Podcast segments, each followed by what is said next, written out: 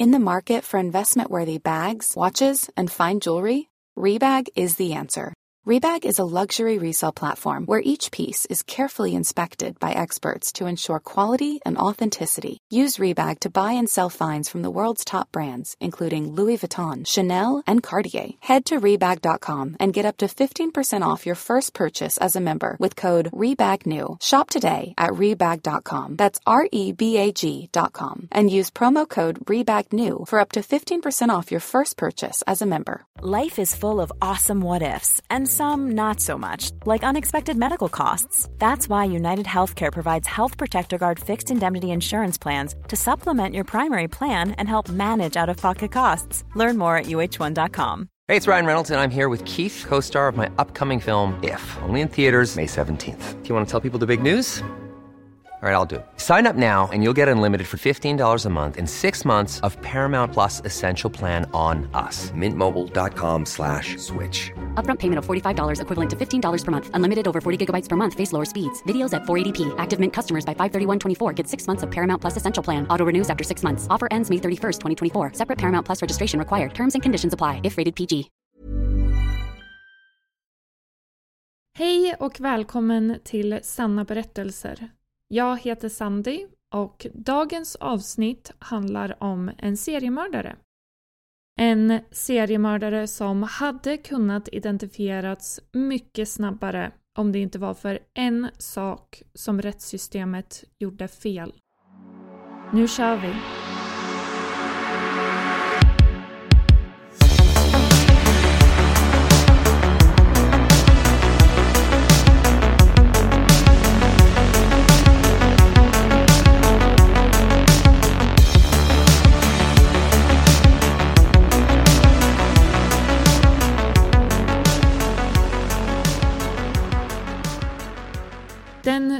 Den 24 mars 1988 hittades den 27-åriga Dorothy Blackburns kropp av jägare i Genesee River. Genesee River är en 254 kilometer lång flod som sträcker sig genom Pennsylvania och New York innan den rinner ut i Lake Ontario. Dorothys kropp hittades i Rochester, New York och hon hade blivit strypt till döds. Hon hade även bettavtryck i området kring könsorganet. Men med mycket lite bevis, ingen hjälp från allmänheten och det faktum att Dorothy var en prostituerad så kunde utredarna göra väldigt lite.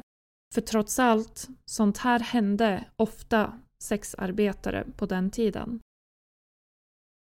Den 11 september samma år hittades kroppen av 28-åriga Anna Steffen. Hon hade varit försvunnen sedan den 8 juli. Hon hittades kvävd och hennes kropp påträffades också i Genesee River, några kilometer bort från där Dorothy hittades. Precis som Dorothy var även Anna prostituerat, vilket initialt ledde till att ingen koppling gjordes mellan de två morden. Nästan ett år senare, den 21 oktober 1989, hittades kroppen av 59-åriga Dorothy Keeler. Hon var en hemlös kvinna som hade påträffats av ett par fiskare, misshandlad till döds på Seth Green Island i Genesee River. Hon hade varit försvunnen sedan slutet av juli 1989. Sex dagar senare, den 27 oktober, hittades kroppen av 25-åriga Patricia Ives nära Maplewood YMCA i Rochester. Hon var en annan prostituerad som hade varit försvunnen i ungefär en månad och nu började utredarna göra en koppling. De upptäckte att det fanns flera prostituerade som hade anmälts som försvunna de senaste månaderna och nu hade de hittat fyra döda kvinnor som alla hade försvunnit och blivit mördade inom ett par månader i samma områden. En annan sak de alla hade gemensamt var bettmärken och med undantag från Dorothy Keeler hade de alla blivit strypta eller kvävda. När utredarna insåg att det fanns en seriemördare på fri fot gjorde även pressen det och tog på sig att döpa gärningsmannen till Genesee River Killer. Den 14 november hittades kroppen av den 22-åriga prostituerade Frances Brown på flodbanken nära Seth Green Park. Hon hade blivit misshandlad och strypt. Följande dag hittades kroppen av 30-åriga prostituerade Kimberly Logan. Hon hade blivit sparkad och misshandlad till döds och hon hade även jord och löv stoppade i halsen. Vad utredarna inte visste vid den här tiden, av skäl som vi kommer komma fram till senare i historien, är att mördaren hade gjort detta mot ett av hans tidigare offer. Ett mord han hade blivit påkommen för och avtjänat ett straff för. Hittills hade utredarna inte fått mycket information från allmänheten för att hjälpa dem. Många av de tips de fick in kom från oroade familjemedlemmar som trodde att deras pojkvänner eller kusiner möjligen kunde vara seriemördare. Men det gav aldrig utredarna något att arbeta med. Tills de pratade med en prostituerad som arbetade på Lyle Avenue där de flesta offren sist hade setts. Hon informerade dem om en kund hon hade som kallade sig Mitch som ofta betalade henne för att låtsas vara död och hade försökt strypa henne vid flera tillfällen. När de talade med de andra sexarbetare som arbetade på Lyle Avenue visste de alla vem han var och berättade att han var en stamkund hos de flesta av dem. Den 23 november hittades 29-åriga June Stott vid Turning Point Park av en man som var ute och promenerade med sin hund. Detta mord förbryllade utredarna. Inte bara var hon inte prostituerad, men hon hade också blivit mördad på ett sätt som var mycket annorlunda från de andra offren.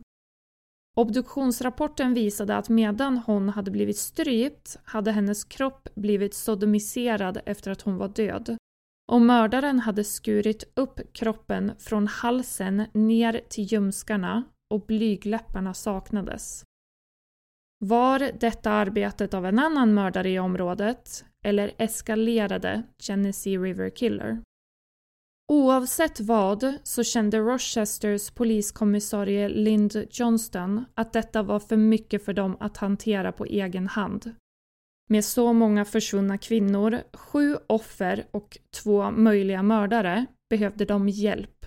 Så de kallade in FBI's Behavioral Science Unit, även känd som profilerarna.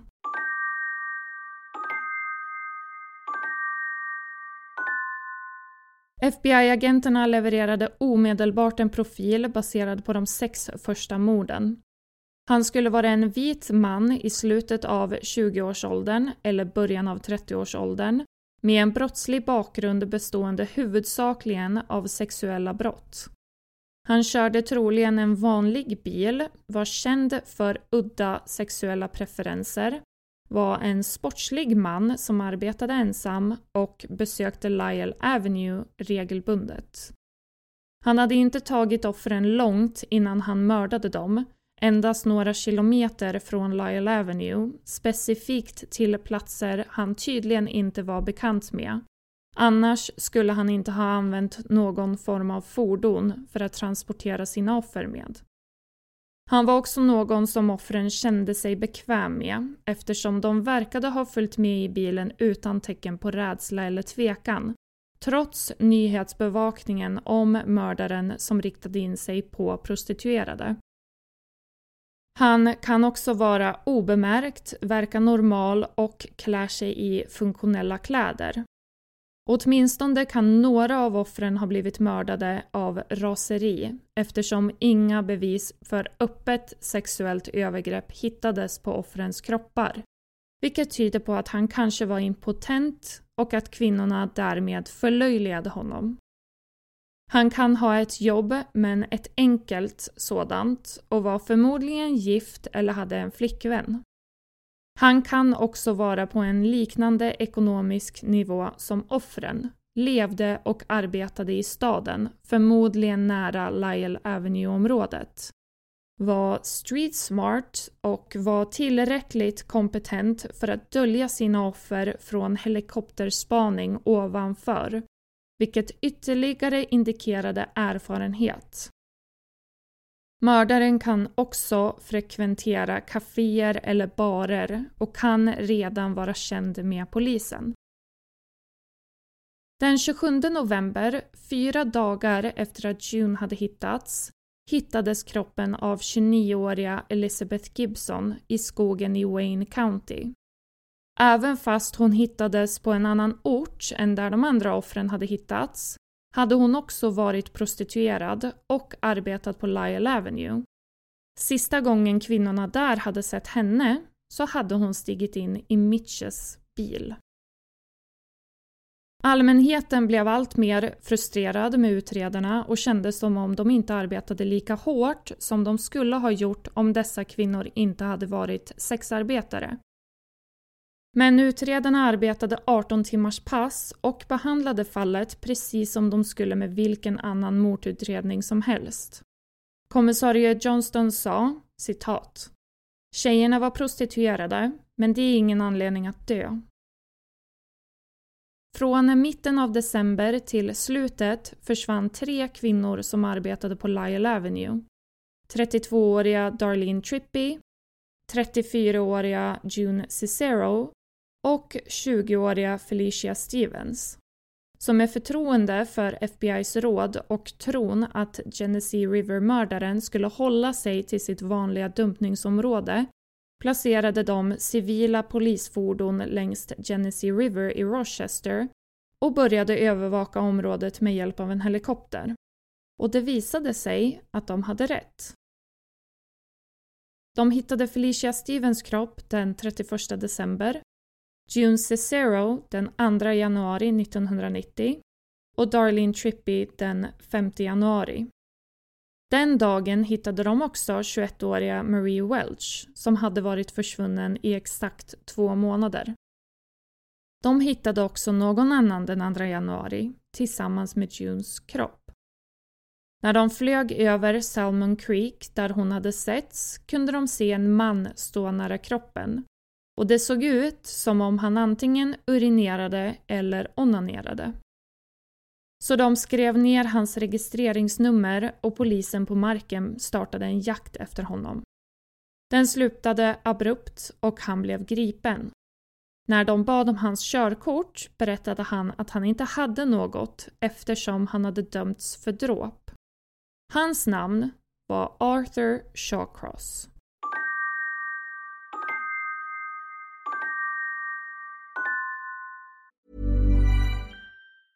Hey, I'm Ryan Reynolds. Recently, I asked Mint Mobile's legal team if big wireless companies are allowed to raise prices due to inflation. They said yes. And then when I asked if raising prices technically violates those onerous two year contracts, they said, What the f are you talking about, you insane Hollywood ass?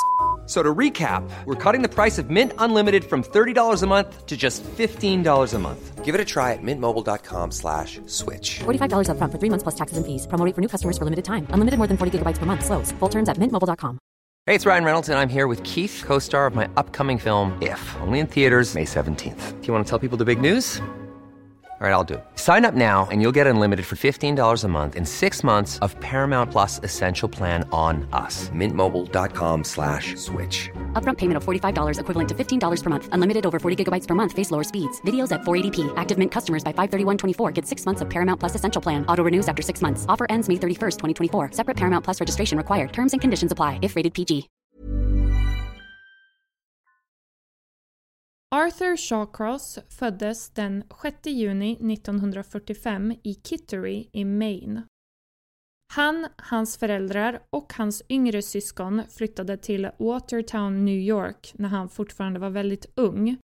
Och här sa han att hans mamma brukade utnyttja honom sexuellt från det att han fyllde sju år.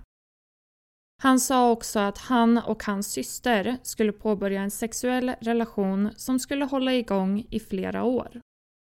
Alla hans familjemedlemmar har nekat det här och sa att de levde ett väldigt normalt liv.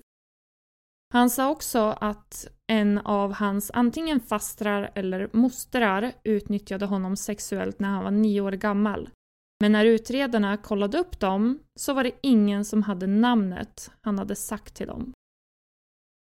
I skolan fick Shawcross rykte om sig för att vara en mobbare och på grund av sitt särskilt låga IQ på 88 beslutade han att hoppa av 1960 vid 15 års ålder efter att ha misslyckats i nionde klass. Efter att han lämnat skolan stötte han på juridiska problem och hans första incident inträffade 1963 när han fick en villkorlig dom för att ha vandaliserat en butiksruta. Nästa år, 1964, gifte han sig med sin första fru Sarah. De fick en son i oktober 1965. Tyvärr stod deras äktenskap inför utmaningar och Sarah skilde sig från honom följande år efter att han fått en till villkorlig dom, denna gång för olagligt intrång. I april 1967 blev Shawcross inkallad till armén och han var planerad att tjänstgöra i Vietnamkriget i oktober samma år. En månad innan han skulle flyga iväg till Vietnam träffade han Linda och eftersom de trodde att risken för att han skulle dö i kriget var hög gifte de sig innan han åkte iväg. I Vietnam hävdade han att han hade dödat totalt 39 personer i strid och att han hade dödat och kannibaliserat två unga kvinnor under sin tjänst. Han påstod att han var en del av en specialoperation som skickades ut för att utplåna hela byar och sa att det var då han började tänka på brutala sätt att döda och tortera kvinnor, män och barn. Men som bevis senare visade så hade han inte dödat någon i strid alls i Vietnam och ingen av hans andra påståenden har verifierats. Efter att ha beviljats avsked från kriget 1969 kom han hem som en förändrad man. Han började misshandla sin fru och när han misshandlade henne så illa att hon fick missfall så skilde hon sig från honom. År 1969 dömdes han för inbrott på en bensinstation och tre separata anklagelser om mordbrand. Han fick ett femårigt fängelsestraff men skulle vara villkorligt frigiven efter 22 månader i oktober 1971.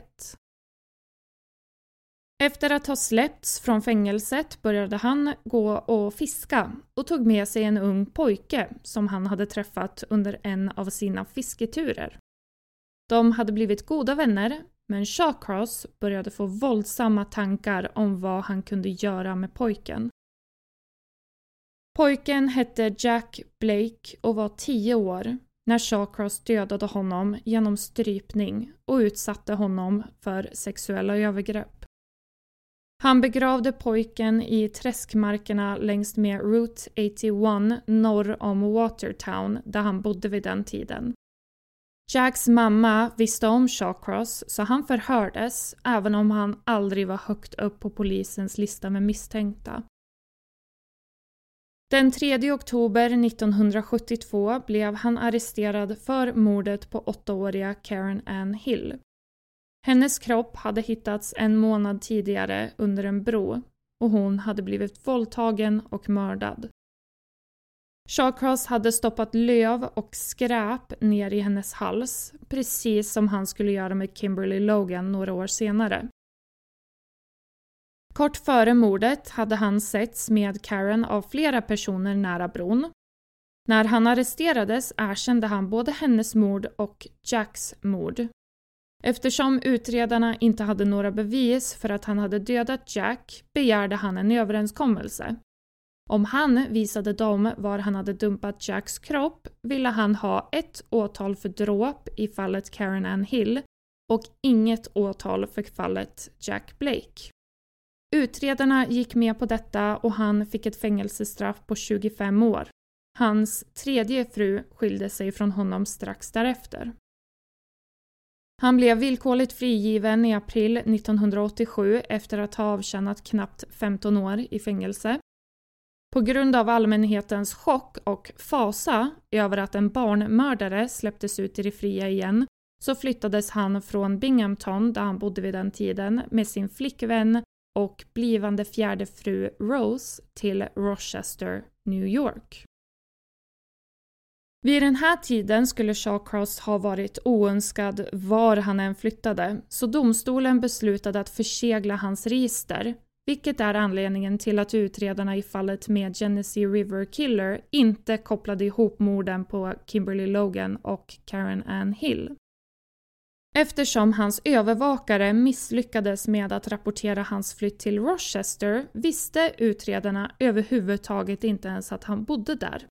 Annars skulle han säkerligen ha varit en av de första personerna de intervjuade. I Rochester tog Shawcross på sig flera enkla jobb, skaffade en älskarinna och började träffa prostituerade. Mindre än ett år efter sin frigivning från fängelset skulle han döda sitt tredje offer, Dorothy Blackburn. Under förhören berättade Shawcross hela sin livshistoria för utredarna, inklusive flera detaljer om sina tidigare mord, men vägrade att erkänna att han var den mördare de letade efter. Efter flera timmar av att han nekade sin inblandning så var de tvungna att släppa honom. Men de tog hans bild och visade den för prostituerade som arbetade på Lyle Avenue och de bekräftade att han var Mitch som de hade beskrivit några månader tidigare. Så han hämtades in för ytterligare förhör och efter timmar av att han återigen vägrade att erkänna något gjorde utredarna något de kanske inte borde ha gjort. De hotade honom och sa att de skulle ta in både hans fru och flickvän och att de då också skulle bli inblandade i morden när de kom. Så omoraliskt som det än må vara fungerade det. De tog in bilder på 16 försvunna kvinnor och Shawcross sa omedelbart att han inte hade något att göra med fem av de 16 kvinnorna. Medan han erkände gav han utredarna sina skäl för att ha dödat varje offer. En gjorde narr av honom, en bet nästan av hans penis, en försökte stjäla hans plånbok en hade han av misstag strypt med sin penis. Han hade en ursäkt för varje enskilt offer. Han hade också dödat June Stott och förklarade att hon var en vän och att de hade älskat med varandra när han av misstag ströp henne. Han förklarade också att anledningen till att han styckade henne var för att han ville att hon skulle förmultna snabbt och förklarade det som en vänlig gest. Han sa också att han hade ätit upp hennes blygläppar och att han hade ätit flera andra delar av andra offer. Det fanns bettavtryck på nästan alla offren men något som skulle bli tydligt när rättsprocessen fortsatte var att Shawcross var en stor fet lögnare.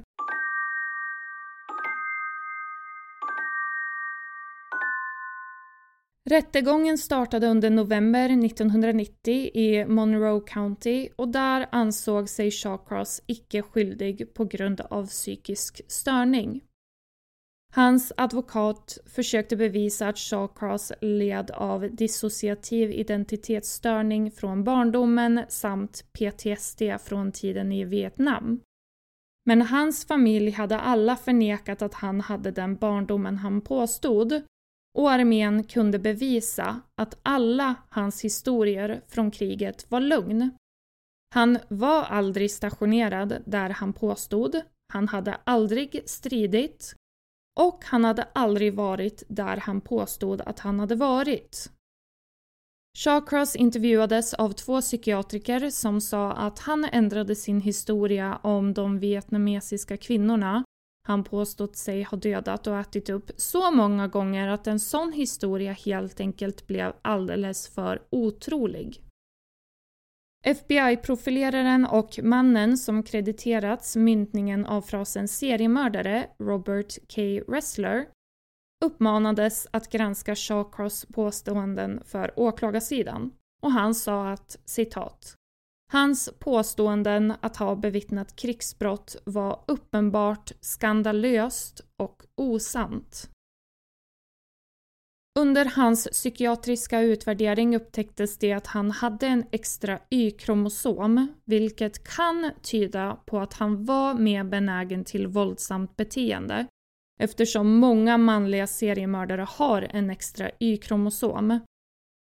Det är dock bara en hypotes än så länge eftersom många män med en extra Y-kromosom också lever vanliga icke-våldsamma liv. En cysta hittades också på hans högra tinninglob vilket sades ha orsakat beteendekramper där han kunde uppvisa undermänskligt beteende, som att exempelvis äta människor. Juryn trodde ändå att han var helt vid sina sinnesfulla bruk och efter bara en halvtimmes överläggning gav de domaren sin skyldigdom och Shawcross dömdes till 250 år i fängelse plus ett ytterligare livstidsstraff för mordet på Elizabeth Gibson som hade begåtts i Wayne County. Den 10 november 2008 klagade Shawcross över en smärta han hade i benen och flyttades från fängelset till ett sjukhus i Albany för behandling. Där drabbades han av hjärtstillestånd och sjukhuset förklarade honom död klockan 21.50. Han avled vid 63 års ålder efter att ha tillbringat nästan 18 år i fängelse.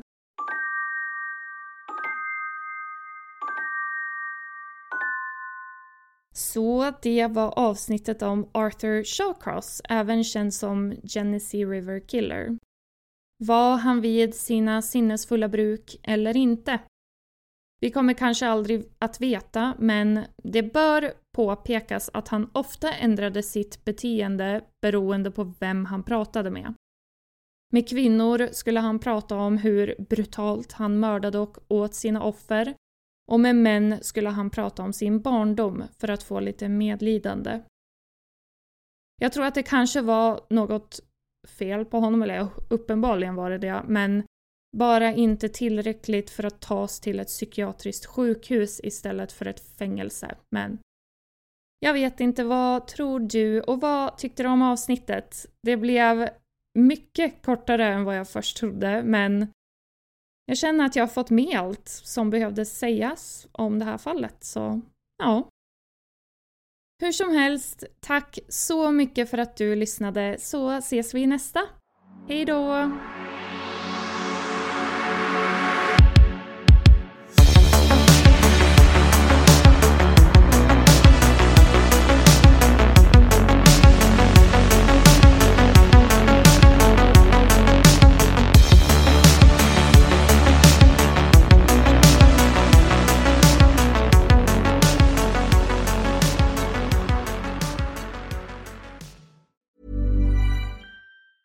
Even when we're on a budget, we still deserve nice things. Quince is a place to scoop up stunning high-end goods for 50 to 80% less than similar brands. They have buttery soft cashmere sweaters starting at $50, luxurious Italian leather bags, and so much more. Plus, Quince only works with factories that use safe, ethical, and responsible manufacturing. Get the high-end goods you'll love without the high price tag with Quince. Go to quince.com/style for free shipping and 365-day returns. Even when we're on a budget, we still deserve nice things. Quince is a place to scoop up stunning high-end goods for 50 to 80% less than similar brands. They have buttery soft cashmere sweaters starting at $50, luxurious Italian leather bags, and so much more. Plus, Quince only works with factories that use safe, ethical, and responsible manufacturing. Get the high-end goods you'll love without the high price tag with Quince. Go to quince.com/style for free shipping and 365-day returns.